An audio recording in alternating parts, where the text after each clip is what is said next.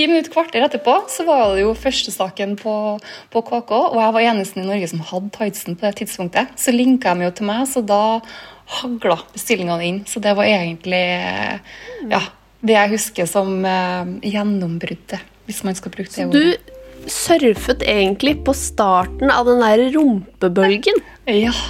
Var med på en, husker du fitnesstrenden?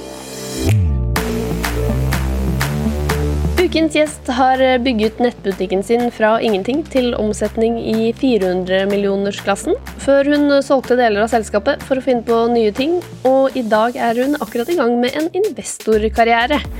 Velkommen til Voksenpoeng med meg, journalist Nora Rydne i E24. Og velkommen hit, Silje Landevåg, gründer i Get Inspired og eier av investeringsselskapet Do It With Passion by Silje. Hei, Nora. Så koselig å få være med. Hei, veldig hyggelig å ha deg her. Er du klar for eh, tre kjappe? Fyr løs. Hva er det beste du har gjort for eh, karrieren din, Silje? Utdannelsen den ga meg absolutt eh, nyttige verktøy og businessforståelse. Jeg har jo en bakgrunn innen internasjonal markedsføring, og så har jeg gått gründerskolen gjennom Universitetet i Oslo. Ellers så vil jeg si det å bare hoppe i det har vært bra. Ehm, både med studiene Jeg visste egentlig ikke i utgangspunktet hva jeg skulle bli når jeg ble stor, så det var litt impulsivt at jeg starta markedsføring på BI. Eh, det samme var det når jeg gründa Get Inspired. Det var òg egentlig ganske impulsivt. For eh, det var jo i en periode hvor ehm, det var vanskelig å få seg jobb. Og da tenkte jeg ja ja, men da prøver jeg heller lykken med å starte min egen. Eh, og så hoppa jeg jo det hopper jeg jo i det på ny nå med eh, å starte investeringsselskapet mitt Do It With Passion by Silje. Hva er det beste du har investert eh, penger i? Det aller beste jeg har investert penger i, det må nok være Get Inspired. Uten tvil. Det har vært en lønnsom reise. Hva er det verste du har investert penger i, da? Mm, alle gjør jo feiltrinn, eh, og det er jo ikke at det er det verste nødvendigvis, for det kommer jo mye lærdom, eh, lærdom ut av det, og erfaring. Men vi starta jo en nettbutikk som het Sporty Kids i 2014. Eh, og da var det egentlig litt samme konseptet som Get Inspired, bare at det var sporty klær mot eh, barn. Vi eh, Altså, butikken gikk helt ok. Men vi så at det var like tidkrevende å skulle bygge opp på en måte den nye nettbutikken til å kanskje klare å komme på plussida, eh, som det var å jobbe med Get Inspired, som gikk som en eh, rakett i den tida. Så vi avvikla selskapet etter eh, bare seks måneder live, faktisk. Så mm, det var Ja, tapte jo noen penger der, men uansett så var det en fin erfaring å, å ha med seg. Men Silje, jeg lurer jo alltid på det med veldig unge gründere. Du, jo, du har jo da rukket å gjøre det her på ganske kort tid. Du er bare 33 år? Nei, no, 36. 36 år. 36, ja, ja, ja. Du er ganske ung fortsatt til å ha bygget en så stor bedrift. Så lurer jeg alltid på det når liksom gründergreiene gjør seg gjeldende, da. Så jeg lurer jo da på hva du ville bli som ung. Var det businesskvinne? Ja, businesskvinne var det, men um, egentlig så søkte jeg juss og hadde store ambisjoner om å bli advokat. Eh, karakterene mine sto ikke akkurat i stil med, med, ambisjonene, så jeg kom naturligvis ikke inn. Ja, ok. Mm. Var ikke sånn typisk skoleflink? Jeg var ganske average, egentlig. Jeg var veldig god i noen fag, og så var jeg bånn i bøtta i andre. Ok. Hvilke fag var du god i? Ja? Jeg var god i eh, språk og samfunnsfag. Og så hadde jeg seks i gym. det var kanskje eneste toppkarakteren. Um, og så var jeg mindre god i matte, naturfag, historie Ja, historie har kommet med interesse med årene, men det var ikke så artig på videregående, husker jeg. Ja, Og sånn fysikk og kjemi, det ligger ikke helt for meg. Nei. Så du er en av de gründerne som ikke har gått uh, en sånn halvtradisjonell vei innom uh, Handelshøyskolen eller BI? Eller jo, BI har du vært på, men ikke på sånn siviløkonomlinje? Riktig. Mm. Men hva tenkte du da, da du ikke kom inn på juss? Eh, jeg hadde jo ingen plan B, så jeg, tok meg et friår. Jeg jobba mm, litt på bunnpris, satt i kassa der. Stortides, faktisk. Det var et kjempeungt og kult miljø. Og så var jeg på språkskole i Cádiz i eh, Spania. Det ligger rett nedenfor eh, Malaga. Så der var jeg i tre og en halv måned og levde livet og lærte spansk på si. Og så når jeg kom hjem, da, så husker jeg pappa pusha meg litt. Du er klar over at søknadsfristen går ut nå?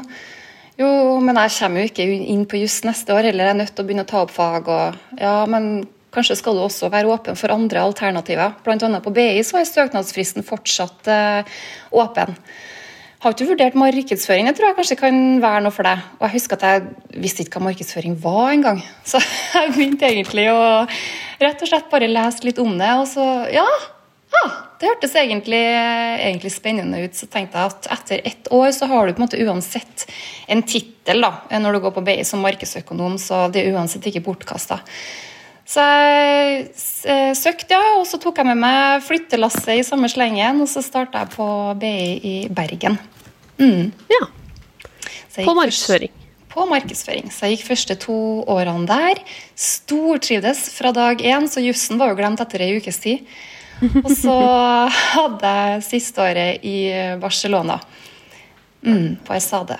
Men var du sånn eh, barn som man kunne se at kom til å bli gründer? Var du sånn som eh, startet småbusinesser eh, selv, eller var det noe som kom senere? Nei, det var jeg ikke. Jeg var Som barn så tror jeg jeg var egentlig ganske som alle andre.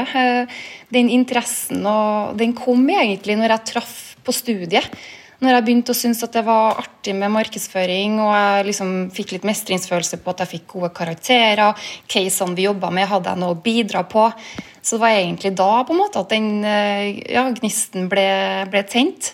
Men så har jeg jo, både mamma og pappa har jo vært eh, gründere, så jeg er jo veldig inspirert av dem. og de har vært veldig gode forbilder for meg på å ufarliggjøre det hele. Da, og også pushe meg til å tørre å, å ta sjansen. Så jeg tenkte at eh, det har vært kult å vært gründer en gang i løpet av livet, men det var ikke noe jeg hadde tenkt å bli umiddelbart etter skolen, nei. Det, det var egentlig litt tilfeldig. Ja, av foreldrene dine er gründere, ja. Det er, det er, alltid noe i sånn vellykkede gründers eh, historie som uh, gjør det liksom mer sannsynlig. Men hva, hva gründet familien, eller foreldrene dine? Pappa har egentlig jobba med markedsføring og økonomi, han også, så han har hatt ulike, ulike selskap der. Bl.a. innen helsekost. Og så mamma har um, Hun er litt mer sånn alternativ igjen. Da. Så hun hadde noe som het uh, Trondheim lasermedisin. Så hun behandla um, folk med øresus og nakke- og skuldreplager ved hjelp av en laser på akupunkturpunkter i kroppen. Så hun drev med det i 10-12 år og hadde veldig gode resultater. Men hun har dessverre gitt seg nå, da. Det er litt dumt, egentlig. Men uh, alt til sin tid. Ja. Så har de vært liksom greie rådgivere? Absolutt. Spesielt uh, pappa på businessdelen. Um, vil jeg si. Han um, hjalp meg med forretningsplan, og han hjalp meg å sette opp på en måte budsjett. Og Jeg husker også første året så hjalp han meg med regnskap. Og han er jo en ganske utålmodig type, og jeg skjønner jo hvor jeg har fått det fra. For som jeg sa, økonomi var jo ikke sterkeste fagene mine på skolen. Eller ja, matte og økonomi. Eh, så når jeg kom hjem til jul da, og vi skulle sette oss ned i 2010 og lære meg regnskap, så husker jeg han bare han gikk runder rundt middag, eller bordet der vi satt. da.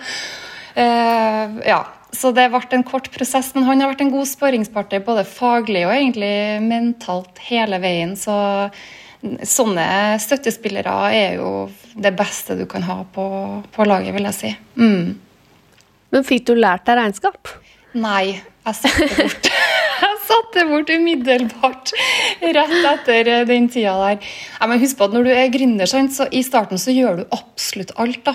Eh, du utvikler, eller Jeg utvikla produktet, jeg må sette meg inn i ja, regnskap. Jeg også, måtte også bygge et eget lagersystem. Jeg hadde kundeservice, og jeg drev markedsføring, og jeg måtte finne ut hvordan bygger man en nettbutikk, eh, altså alt det tekniske bak det. Jeg måtte lage avtaler med Posten, jeg måtte gå til Posten med pakkene.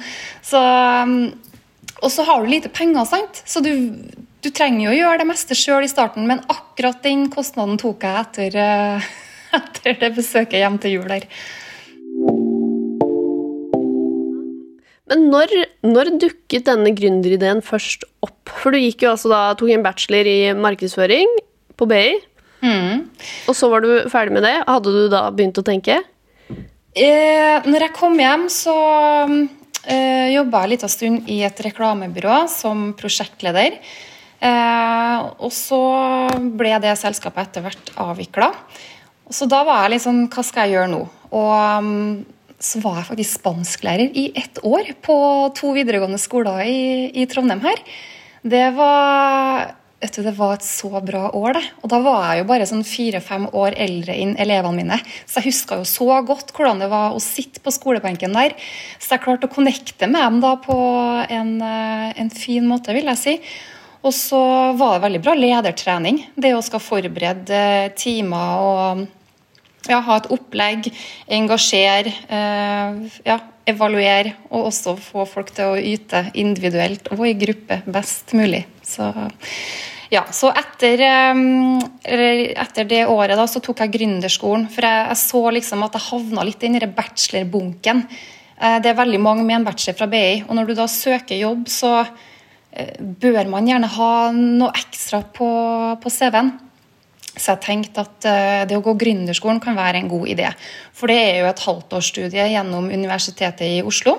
Eh, så du kan enten ta det som ett studie alene, eller så kan du ta det som en del av en master. Så da var jeg tre måneder i Oslo, ja. Og da øvde vi oss på å skrive forretningsplan, og jeg kom i klasse med fantastiske eh, elever som også bare tenkte at alt var mulig. Det er ingen bremseklosser i, i, et sånt miljø, det er rett og slett herlig. Og så var vi utplassert tre måneder i Shanghai. Så ja, det, du, det, var så bra, det studiet. Det kan jeg virkelig anbefale. Men når jeg kom hjem, da, så møtte jeg jo finanskrisa. Jeg tenkte jo at jeg skulle få meg litt jobberfaring. Jeg hadde jo lyst til å gründe etter hvert, men målet var å få jobb. Men jeg ble typisk nummer to på intervjuprosessene jeg først kom inn til. Så brukte jeg, brukte jeg egentlig da tida til å, eh, å, jobbe med en forretningsplan parallelt som jeg søkte jobb. Og da var jo egentlig ideen eh, å utvikle trenings-DVD-er. Oh, ja. Så du kan jo forstå at eh, den ideen har utvikla seg siden den tid. Men når vi var i Shanghai, så var det, det var, eh, dårlige treningsfasiliteter. Det var forurensa, mye trafikk og lite plasser å, å, springe ut, egentlig. Det var få treningsstudio. Så vi trente ofte bare til sånne videoer på hotellrommet, da, eller for vi bodde hele klassen på et sånt hotell. Og da tenkte jeg at jo, jo, det er jo egentlig en helt grei treningsform de dagene du ikke har tid eller mulighet til å til å trene ut. Så um, tenkte jeg, men det må jo seriøst være noe freshere enn Jane Fonda-videoene her på markedet. Så det var egentlig ideen. Så første produktet mitt var jo at jeg utvikla en trenings-DVD sammen med noen barndomskompiser meg som har um, starta Sheriff Film. De driver den dag i dag i Oslo. Og så fikk jeg med to flotte instruktører da foran kamera. kamera. Ja, Så det var skikkelig Du kom litt langt på den ideen? Ja, jeg gjorde det. Så jeg starta jo med når jeg fortsatte med, med, Jeg skrev jo forretningsplan, og jeg gjorde en liten markedsundersøkelse. Pappa hadde satt opp et budsjett vi hadde trua på. sant? Så jeg syns jo egentlig ideen var sånn halvveis, men etter hvert som jeg kommet ut i planen, så fikk jeg trua. Og nok trua til at pappa sier hei, nå må du komme i gang. Hvis ikke du gjør det, så tar jeg ideen. Ja, men hei, det er jo min idé. Ja, men da må du gjennomføre. Men eh, hva skjedde da med treningsvideoene? Hvor langt kom du? du, det ble, det ble to videoer. Og så så jeg at det var tidkrevende. Det tok meg jo seks måneder å lage en DVD. ikke sant? Og når jeg først hadde solgt den der, så hadde jeg liksom ikke noen produkter. Eh, som jeg kunne ha gjensalg til kundene på. Hei, du må bare vente seks måneder til at jeg har tid til å lage en ny en. For jeg hadde jo lite budsjett òg, ikke sant. Jeg hadde jo 200 000 kroner i egenkapital, og så kosta det fort 70 000-80 000 å lage den ene filmen, da. Ja, og så solgte den for 299, så det ble liksom ikke noe schwung på det. Så tenkte jeg ok, jeg må få inn flere ting i sortimentet, så at jeg kan begynne å bruke kundegruppa mi til, eh, til noen ting. da. Så da første steget var hjemmetrening. Yogamatta, ball, strikk. Ja, herregud, du skulle ha sett leiligheten min, Nora. Det kom to paller, og det er ganske store ting, de mattene og pilatesballene, inn i leiligheten min i Oslo. Altså, Den var jo en 60 kvadrat. Jeg måtte, altså Alle klesskapene mine måtte jeg bare ofre for de her pilatesmattene. Så, så det var første steg. Og så i 2011 så fikk jeg inn første partiet med treningsklær. Og da tenkte jeg at uh, nå skal jeg reindyrke det, for da, da, begynte vi å få fart på, fart på ting. da. Husker jeg fikk kjøpe inn et utgående parti med varer fra Rønish, eh, som jeg da kunne ha på et januarsalg i, eh, ja, rett over nyåret. Og det selger naturligvis bra, men det jeg så da, var at når den nye kolleksjonen inn, så var folk også sugen på nyheter. Så da begynte jeg å liksom knekke denne koden med, med gjensalg. Og så var det ett produkt da, som var liksom det produktet som var the breakthrough. Rønish Røners hadde lansert en uh, shaping tights som ga liksom perfekt rumpe. Den forma, løfta, hold inn Du vet drømmetightsen til, ja. til oss damer. Mm. Så jeg husker beskjedent nok, da, så, så, hadde jeg jo på meg klærne og tok eh, selfie og noen bilder på trening der. Og så sendte jeg da en eh, pressemelding da, til KK med subjecten 'Tidesen som gir knallfin rumpe'. Og så sendte jeg litt om den og bilder av meg sjøl og ja.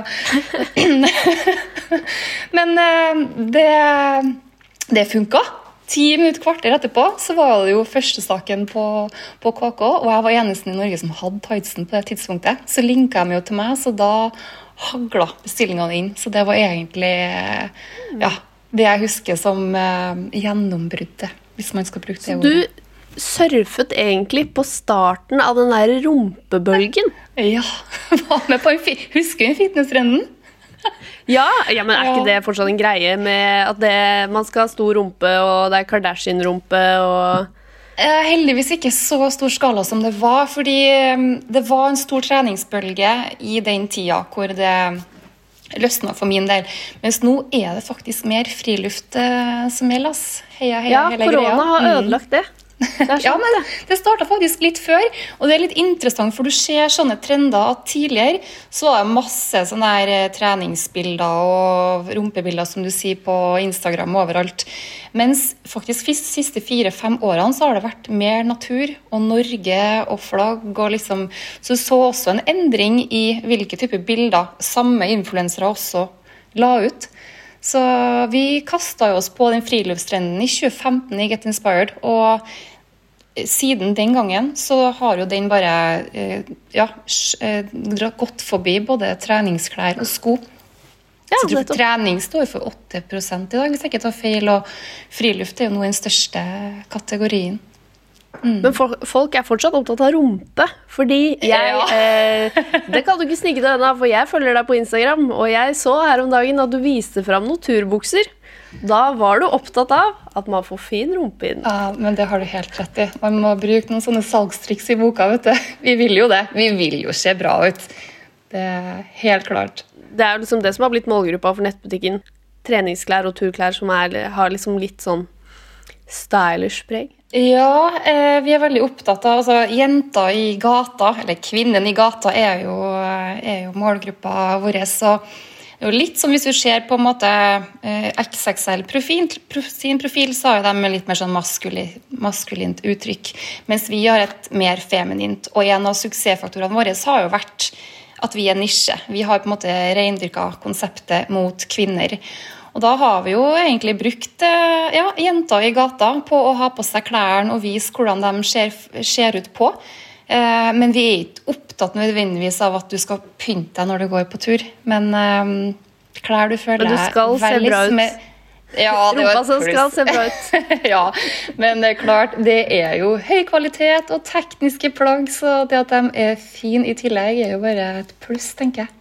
En annen, en annen ting Nora, er jo det at jeg begynte å treffe på sortimentet, men det var jo også i den tida hvor netthandel eh, begynte å bli noen ting. For eh, rett før det så hadde vi jo typisk handla flybilletter og hotellreiser, og så var det litt sånn her eh, auksjons på QXL og diverse.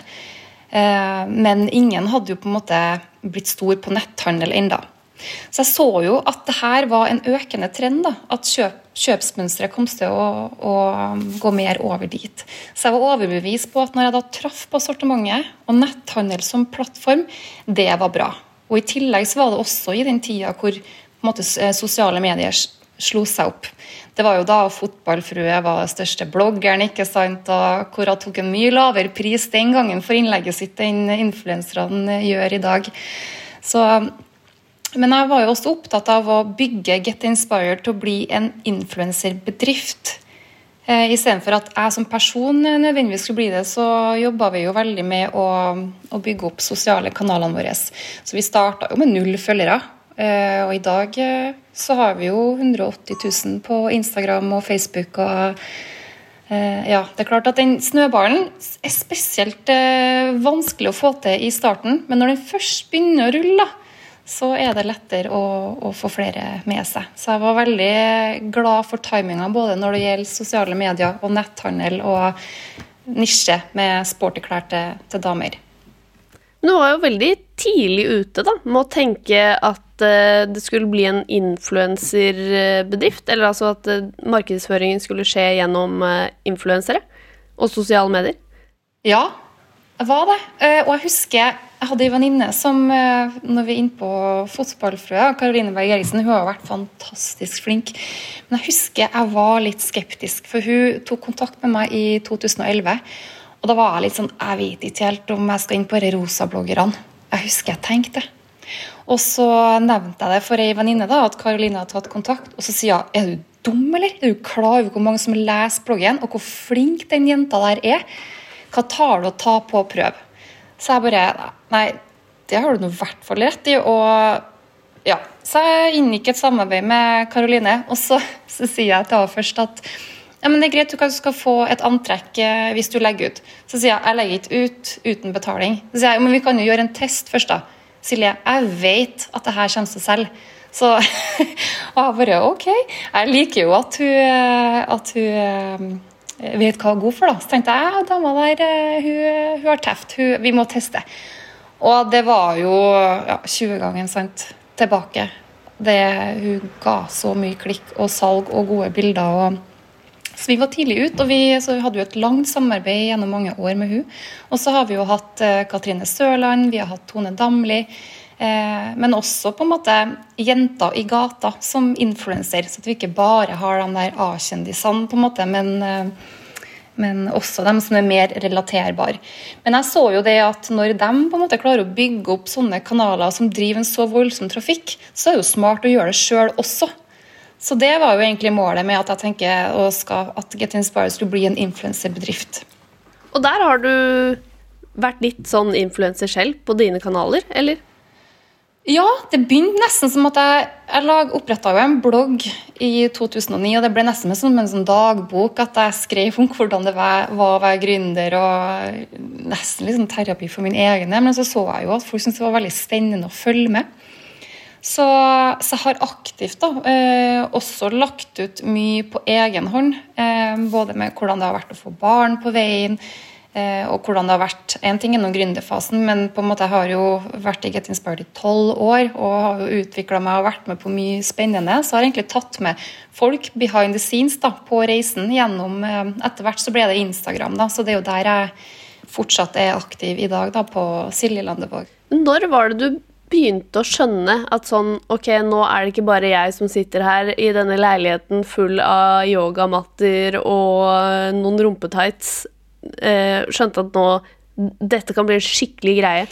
Eh, det, det, tok jo litt tid før det, da, men jeg ble jo gravid oppi alt dette her. For det skal sies at det tok jo, tok jo ja, ett og et halvt år før det begynte å gå bra. Og det gikk jo ordentlig dårlig først. altså Pengesekken var tom, og motivasjonen var helt bånn i bøtta. og hadde begynt å søke jobb. Og, så på en måte treningsklærne var det siste jeg gidda da, før jeg hadde tenkt å Eh, å gi meg. Men ah, Det var et sånn siste forsøk? Ja, det var det. Men i samme vase da, så slutta jeg jo på p-pillene. For da var jeg litt sånn Ja, ja, nå får nå bare livet bli som det blir. Så jeg ble jo gravid, da. Akkurat når det begynte å ta av.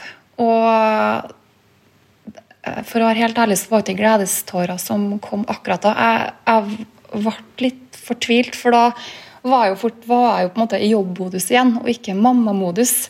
Det var jo bare fordi at det ikke gikk tidligere. Så jeg brukte, jeg brukte et par uker der altså på å gå noen runder med, med meg sjøl og snakke med folk rundt. og bare Vil jeg klare det her? Har jeg sjanse til å få en baby samtidig som at jeg skal bygge den bedriften? Så jeg husker jeg sendte en melding til lillebroren min. Han var nettopp ferdig på BI. Har studert markedsføring, han også. Og så hadde han skrevet bacheloroppgave om Get Inspired. Så sendte jeg melding til han. Jeg er gravid. Prikk, prikk, prikk. og så får jeg, får jeg bare tilbake. Hurra! Jeg har fått meg jobb! Så jeg bare Ja. Så jeg ansatte jo Sindre da, som daglig leder. Tok med hele lasset fra Oslo og flytta, flytta, hjem, og da også i nye lokaler. Vi hadde 60 kvadratmeter kontor og lager, og det var, altså, det var skikkelig milepæl. Det å ha en sted å dra til om dagene, ut av joggebuksa, og det var nesten sånn ekko, sant, fordi vi hadde jo så god plass. så det var jo august 2011. Og så balla det egentlig på seg fra at vi ble 4, 8, 16 Og etter hvert, da, når du på en måte passerer gjerne ti ansatte, eh, da er man jo gjerne først i starten er man en veldig sånn flat struktur. Alle poteter, alle gjør alt. Eh, og så blir det behov for mer kompetanse. Så da blir man på en måte litt sånn Du har ansvar for det, og du får det. Ja. Og så blir man avdelinga etter hvert. Og, det, og, så så vi også at herregud, vi blir så mye utsolgt. da. Den tightsen, blant annet, den var jo bestselgeren i jeg lurer på om det var fem-seks år, faktisk. Og vi kjøpte jo alltid for lite inn. Så Sindre var veldig sånn pusha der da med at vet du hva, nå er vi nødt til å ta større risiko på innkjøp. Det er mye bedre for oss om vi blir sittende igjen med litt varer som vi må selge på salg, enn at vi skal være utsolgt en måned ute i sesong når det er seks måneder igjen. Så, men jeg hadde jo aldri drømt om at det skulle bli så stort. Men vi så det jo underveis at her har vi potensial. ikke sant? Og også det med når vi begynte å utvide med leverandører. Der gikk vi jo fra én til to til fire. Og den dagen vi fikk inn Nike Jeg husker jeg hadde ringt i to år, og de gadd ikke å ta telefonen til meg engang. Og så får vi beskjed da, om at de, eh, ja, de ville velge oss da, som nettbutikken de samarbeider med i Norge. Så det, det har vært mange sånne milepæler på veien. Da. Sortimentet har utvikla seg. Sant? I dag er vi jo også inn på sko, og vi begynner å gjøre det bra på fashion. Så det har vært en veldig gøy reise. Men det er klart Get Inspired er jo noe helt annet i dag. Nå har vi blitt stor. Nå er vi 70 ansatte. Vi har kjempeflinke folk, og bare det å ha råd til å ansette flinke folk, det er ekstremt eh, ja, et privilegium, for det har ikke man i starten. Eh, da må alle gjøre alt. Så, mm, så, ting går veldig bra, ja. Men det er også det at man ser jo nå er det jo større prosesser for ting. Ting tar mye lengre tid. Og litt av den gründergreiene er jo naturligvis sport, og det er jo også nødvendig. For på en måte alle perioder har jo sine behov, da. Men Silje, vi har jo en eh, spalte i podkasten. Tabbespalta. ja. Hva er den største tabben du har gjort i karrieren? Jeg har gjort mange tabber, men jeg husker én. Altså, jeg har som regel hatt teft for trender. Eh, og jeg hadde jo i store deler ansvar for innkjøp. Så var det da mm, jeg kom over et, eh, et merke og noen sko det var støvla Nora som lukta tyggegummi. Og så, og så hadde de en sånn søt sløyfe på sida. Så tenkte jeg mm, sånne feminine, søte støvler som lukter tyggegummi, det er jo noe nytt og spennende og kult og fresh. Det vil vi damer ha. Det solgte ikke en dritt. Så vi fikk jo inn et ganske stort parti da, som vi seriøst hadde i årevis på lager. Så Hvilke farger var de? Var de rosa? Eh, det var svart, og så var den i lilla, ja. Eh, jeg lurer på om den siste var blå. Mm. Tre eller fire farger der. Men hadde, hadde, du dem selv? Ja, jeg hadde det. Altså, hvis du googler, så finner du også et bilde av meg på, på nettet, da, vet du, store internettet, med hvor jeg da poser i de der frekke støvlene fra Mel by Melissa. De skal jeg finne. ja, det må du. Men følte du at det var liksom Ga det deg noe? At de, at de luktet tyggis? Jeg vet ikke, men jeg er jo en sånn kremmertype og en selger, så jeg er jo alltid på utkikk etter salgsargumenter. Så tenkte jeg at det var liksom nytt og kult, men det traff liksom ikke helt, altså. Hva lærte du Hva lærte du av det? Eh, Jeg lærte at det kan være lurt å gjøre en liten test før du går all in. og For du var vi- livredd for å bli utsolgt. Ja, ja, ja. Overbevist om at det her, var, det her var bra. Men er det noen ting vi har vært flinke på, i Get Inspired, er det akkurat det å AB-teste før vi faktisk uh, slår til. Ja. Så det var nå en, eh, en bommer. Hadde Sindre fått lov å komme inn her, så hadde ikke det skjedd. Så det var når jeg hadde litt frie tøyler et eh, øyeblikk der. Hadde du, en sånn, eh, hadde du en sånn moment som gründer fra liksom å ha ingen penger til at du plutselig hadde en del penger? Der du bare eh, gikk ut og Ja, eh, Carl Munthe-Kaas som eh, gründet eh, Kolonial, nå Oda, han eh, følte jo at han liksom hadde made it da han kjøpte seg Tesla. Har du et sånt moment? Ja, jeg har en sånn moment, men det er klart at eh, vi hadde jo første to årene uten lønn. Og så hadde vi to år med 330 000 i, eh, i lønn, og så stiger du til 450 og 500. Og, så det har jo vært en lang vei, men jeg husker jeg kjøpte meg en Chanel-veske i 30-årsgave til meg sjøl. Og da var jeg i London, og jeg husker bare en følelse når jeg dro kortet der og bare fikk den der drømmeveska. Eh, Det er en sånn slags moment, og den er en av mine favoritter fortsatt. Hvor mye koster en Chanel-veske? Er det like mye som en Tesla? Eh, nei, det vil ikke jeg si. Nå er jeg veldig glad i vesker. En liten svakhet. Men den, den kosta 30 000 den gangen. Og så er det jo litt sånn at de stiger jo faktisk i verdi, da. Sånne klassikere. Så akkurat den er vel sikkert opp på 45 nå, tenker jeg. Men Så det var en investering, Nora. Ja, det var en investering. Det, Det var en de sier de alle. ja, Men faktisk en bedre investering enn- Tesla, for så Ja. Mm. Men du skal ikke selge den, Nei, nei, nei. Den, eh, den blir med videre. med mindre det plutselig går til helvete med investeringskarrieren. Ja, Det er sant. Da, men det, det er en av de siste tingene som ryker. Men på et tidspunkt så eh, bestemte du deg jo for at nå eh, Nå skal Get Inspired ha mindre Silje i seg. Hvordan var den avgjørelsen? Åh, det er en sånn modningsprosess over tid. For du vet, dess flinkere folk blir, og dess eh, bedre systemer og rutiner du får, dess mer eh, tid frigjør du. Og da så jeg egentlig at eh, ok, nå kan jeg begynne å ta tak i, i nye ting. Selskapet går godt.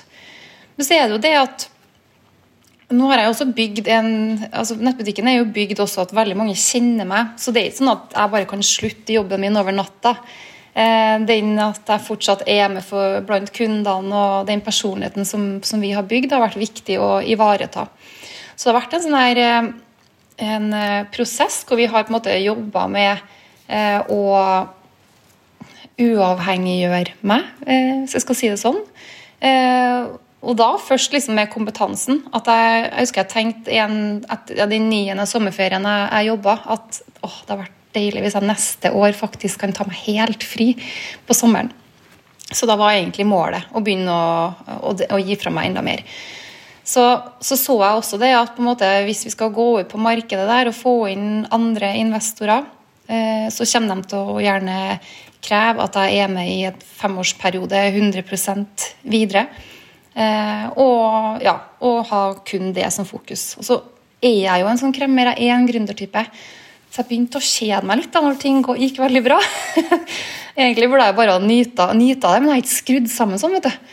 Så mm, på en måte når, eh, når Salvesen og Tams, da, som på en måte eide eh, 20% av selskapet, eh, ytra ønske om at de ønska å kjøpe seg opp, og at på en måte en eh, form kunne se ut sånn at jeg da jobba 40% som på en måte ambassadør, og at jeg var en inspirasjonskilde i, i markedsavdelinga, samtidig som en aktiv eier. Eh, og sitte igjen med 20% i tillegg til at jeg da kunne på en måte begynne å, å jobbe med andre ting, og da gjerne også sammen med dem da, på flere prosjekter eh, som på en måte in investor som bidro med markedskompetanse. Så det var liksom her. Jeg har jo aldri tenkt på at jeg kan bli investor og Eh, ja, Så det var liksom fjern, men en liksom kul tanke. Ja, ja, så den lå nå litt og surra bak der. Men, men, det jeg vet, da, det er jo at eh, kompetansen min og måten vi jobber på, er overførbar til, til andre bransjer. Så der er jeg egentlig nå. At jeg er Ja, jeg føler jo at jeg får det beste fra begge verdenene. For jeg er jo fortsatt med i Get Inspired med en 20% eierandel og en 40% stilling, samtidig som at jeg nå er i gang med det nye, som er Do It With Passion by Silje. Og så har jeg gjort den første investeringen nå. Jeg gikk jo inn på eiersida i Salvesen og Tams, som også da er medier i Get Inspired. Så nå er første prosjektet vi, vi jobber med jordbærpikene. Så da har jeg også Ellie, som da er min første ansatt i det nye selskapet, eh, gått inn i markedsteamet. Så skal vi bistå dem da med sosiale medier i en seksmånedersperiode. Men hva er planene da for investorkarrieren? Nå har du også da kjøpt deg inn i Salvesen og Tams. Ja. Eh, nei, mm, jeg har en liksom todelt strategi. Jeg har jo en som er mer eh, ja, der vi skal gå inn med merkevarebyggende kompetanse, sånn som vi gjør nå i Salvesen og Tams. Så da har vi eh, Målet er at vi skal inn i ett case til da, i løpet av året, hvor vi skal gå inn og aktivt jobbe sammen med dem. Eh, reiseliv er en bransje som vi som vi flørter litt med, så får vi se. Men eh, det er viktig med et godt forarbeid og bruke tid på å bli kjent før man også gifter seg. Så, eh, ja, så vi tar oss god tid i den prosessen her. Ellers så jobber jeg jo også med å gjøre smarte økonomiske investeringer. Eh, og der, ja, sånn som nå har jeg jo det meste i aksjer og fond, men jeg syns det er spennende å se på private equity og Eh, ja, hvilke muligheter som, som, byr seg der. Og der, Nora, er jo ikke jeg liksom eh, har ikke tolv års erfaring sjøl, så jeg er jo fersk i gamet. Så jeg er veldig sånn ydmyk på at jeg er veldig søkende nå på kompetanse og gjør ting i riktig rekkefølge. Så jeg er ikke en sånn som spekulerer på, på markedet. Jeg, ja, jeg tenker at vi også tar en moderat risiko, men eh, vi skal være smart. Sette sammen gode team. Altså, du blir ikke du blir ikke krypto-Silje? Nei, det blir jeg absolutt ikke. Nei. Nei, én ting av gangen. Men hva ser du for deg, da? Hvor er eh, investeringsselskapet ditt om eh, ti år? Eh, jeg er jo visjonær, da, sånn at jeg har jo allerede begynt å tenke at um, jeg syns det er gøy å Det er jo litt inspirert av Stordalen, egentlig. Han har jo på en måte Strawberry på toppen, og så har han jo Strawberry Publishing, Storm Communication. Ja, Han er jo med i mange gründerselskaper, og så har han naturligvis Choice og Ving og Hurtigruten og flere ting under. Så jeg syns også det er spennende å tenke sånn, at man på en måte etter hvert har ulike selskap under en paraply. Um, så altså jeg kommer ikke til å bare jobbe med økonomiske investeringer, for det er ikke min passion. Så det må mer ting inn som, um, som er gøy, og, gøy, å jobbe med. Ja. Må bygge noe håndfast som du yes. kan være med på å påvirke. Ja, og flinke folk. Jeg har lyst til at vi skal bli ja, det råeste teamet i Norge. Et siste spørsmål her, Silje. Hvis du kunne reist tilbake i tid og gitt 20 eh, år gamle Silje et råd, hva ville det vært? Jeg ville ha sagt til 20 år gamle Silje at det her klarer du. Stå på, følg drømmen din. Du kommer til å lære og erfare. Ja, og også gå på brutale motbakker. Men uh, når du kommer på toppen der, så, så er det hele verdt det. Mm, nei, vi må følge drømmene våre, Nora. Det må vi. Tusen takk eh, for at du eh, kom hit i dag, Silje Landevåg i Get Inspired og Do It With Passion by Silje. Tusen takk for meg, Nora. Det var veldig hyggelig å være med. Produsent i dag, det var Annika Selin Bogen. Og hvis du vil lese skoledagboka til Silje, f.eks., så må du gå og følge oss på Instagram. Der heter vi Voksenpoeng med Nora.